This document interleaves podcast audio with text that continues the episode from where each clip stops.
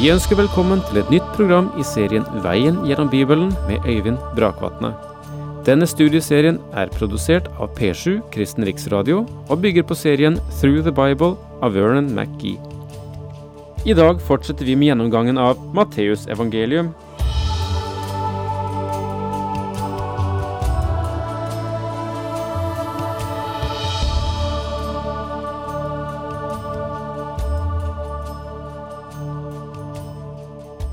For ikke så lenge siden så sto jeg og så på en gruppe barn som var i ferd med å begynne å hoppe strikk.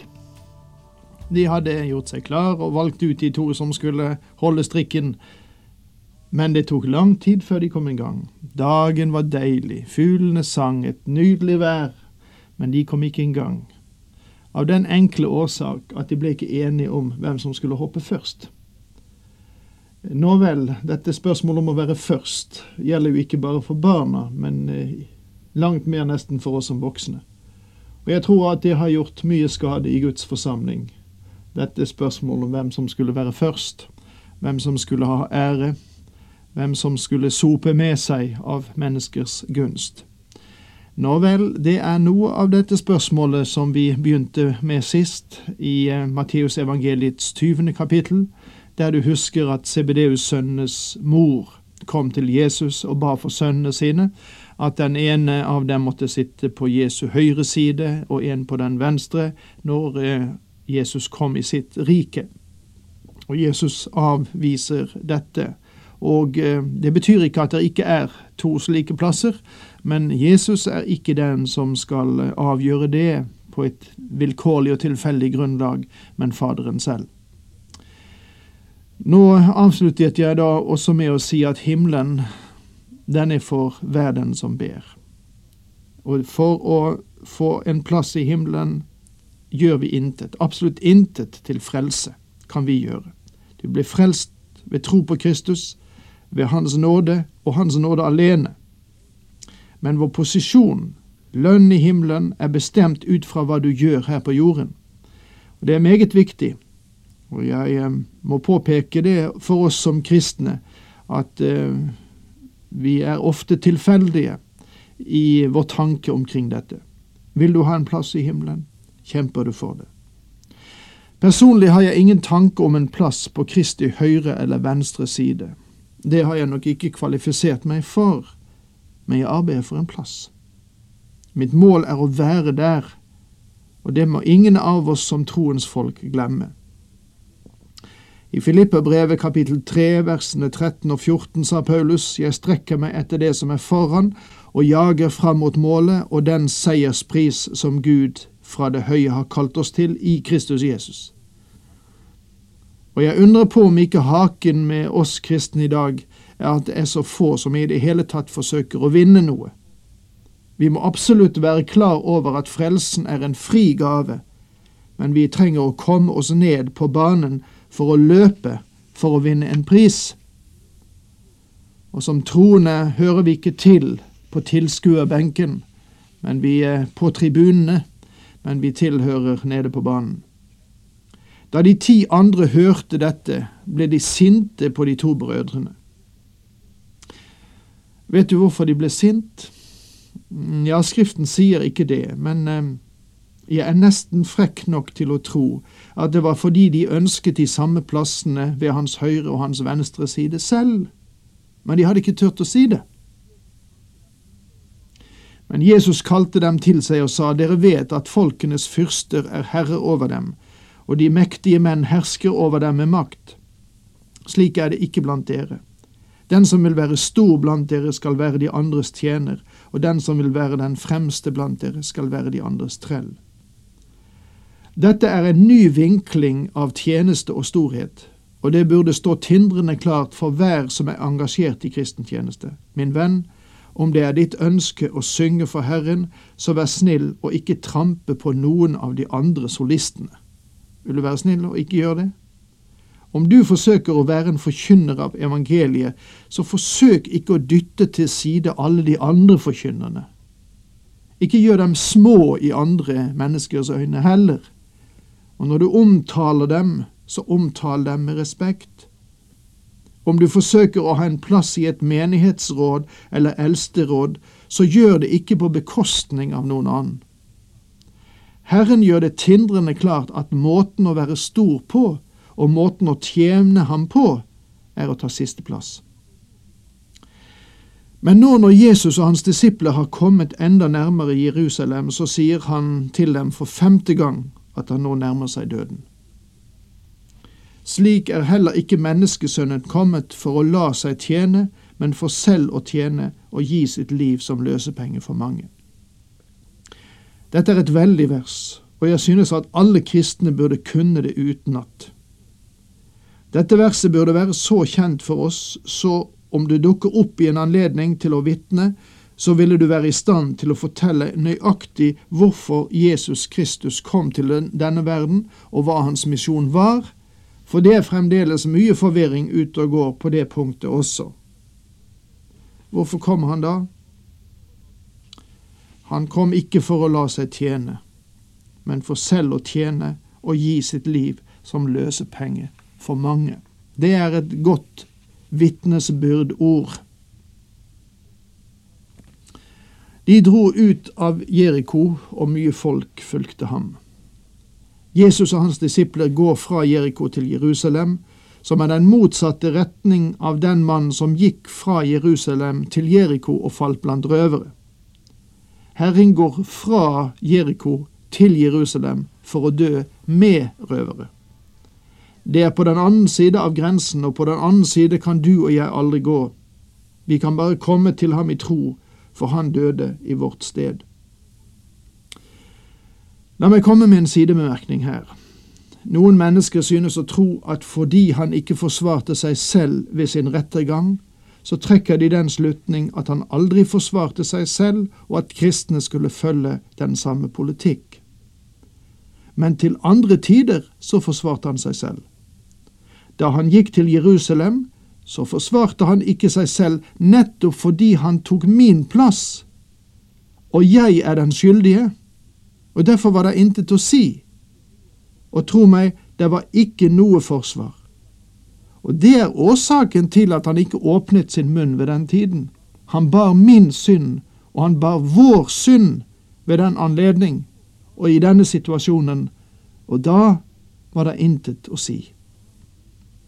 Ved veien satt to blinde, og da de fikk høre at Jesus gikk forbi, ropte de, Herre, du Davids sønn, miskunn deg over oss.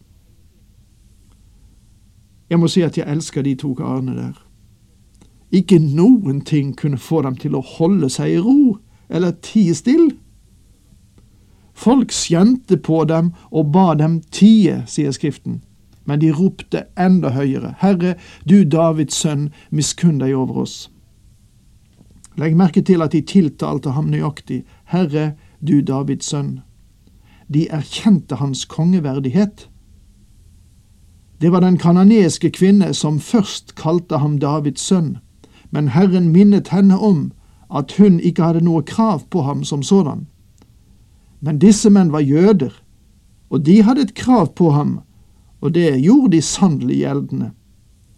Da stanset Jesus, ba dem komme og spurte dem, Hva vil dere jeg skal gjøre for dere? De svarte, Herre, la oss få syne. Det som var disse mennenes problem, syntes å ligge helt opp i dagen. Hvorfor spurte Herren dem da om hva han kunne gjøre for dem? Min venn, når du kommer til Herren Jesus, så må du fortelle ham om ditt behov. Om du kommer for å finne frelse, så må du si det til ham at du er en synder og trenger hans frelse. Om du ikke vil det, så vil du ikke bli frelst. Det er korsets anstøt, det, ser du. Alle ville ha kommet til korset om de kunne ta med seg selvrettferdighetens parfyme og sine gode gjerninger. Men vi har ikke noen godhet i det hele tatt å komme med og presentere Gud med. Du kan like lite forsøte den menneskelige karakter med trening og psykologi og utdanning som du kan forandre duften av et lass med hestemøkk med en flaske Chanel nummer fem. Vi kommer til ham som syndere og tar imot ham som vår frelser. Og siden i kristenlivet gjelder det samme. Du må presentere ditt behov for at han skal kunne møte det.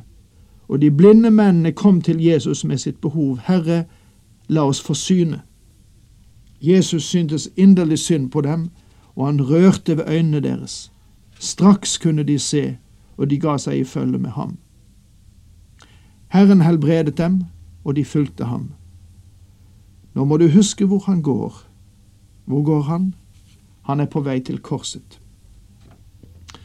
Og i det som gjenstår, eller det meste av det som gjenstår av Matteusevangeliet, vil fokusere akkurat på det som er evangeliets store sak, og som er det sentrale i Det nye testamentet.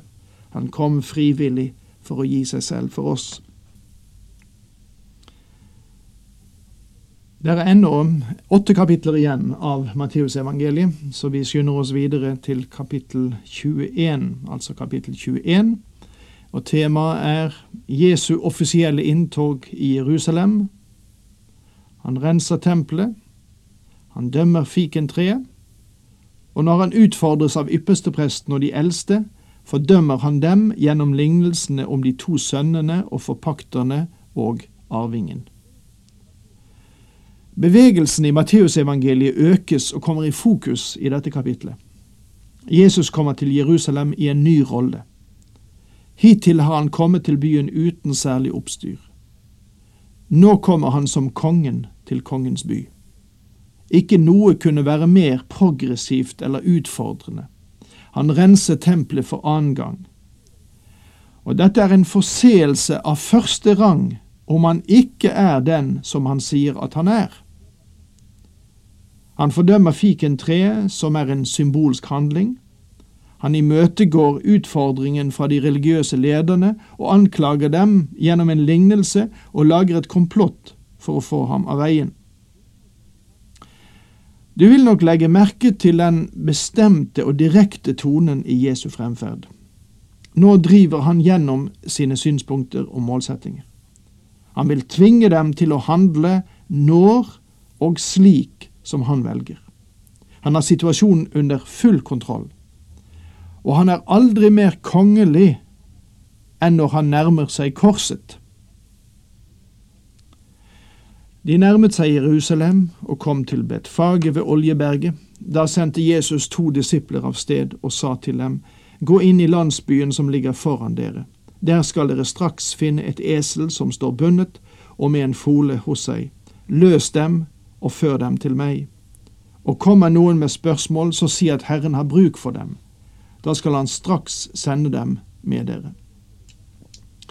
Noen vil se på denne situasjonen som et ledd i Jesu profetiske makt. Han visste om eselet og om folen som sto klar i landsbyen. Et bestemt løsenord ville få eieren til å låne ut dyrene sine. Men dette kan også være en normal, naturlig situasjon. Det kan tenkes at Herren, sist han var i Jerusalem, gjorde avtaler med venner om å bruke deres dyr neste gang han kom til byen. Han kan ha avslørt for dem hva han aktet å gjøre, og de sa seg enig i å ha tingene klare til påskefesten. Han gjorde avtale om å sende et par av sine disipler, og for å få utlånt dyrene og en avtale om hvordan de skulle identifisere seg. Den ene løsningen kan være like vidunderlig som den andre. Der den første forteller noe om Jesu profetiske tjeneste, sier den andre løsningen noe om Jesu målrettede holdning som konge, og det er også vesentlig.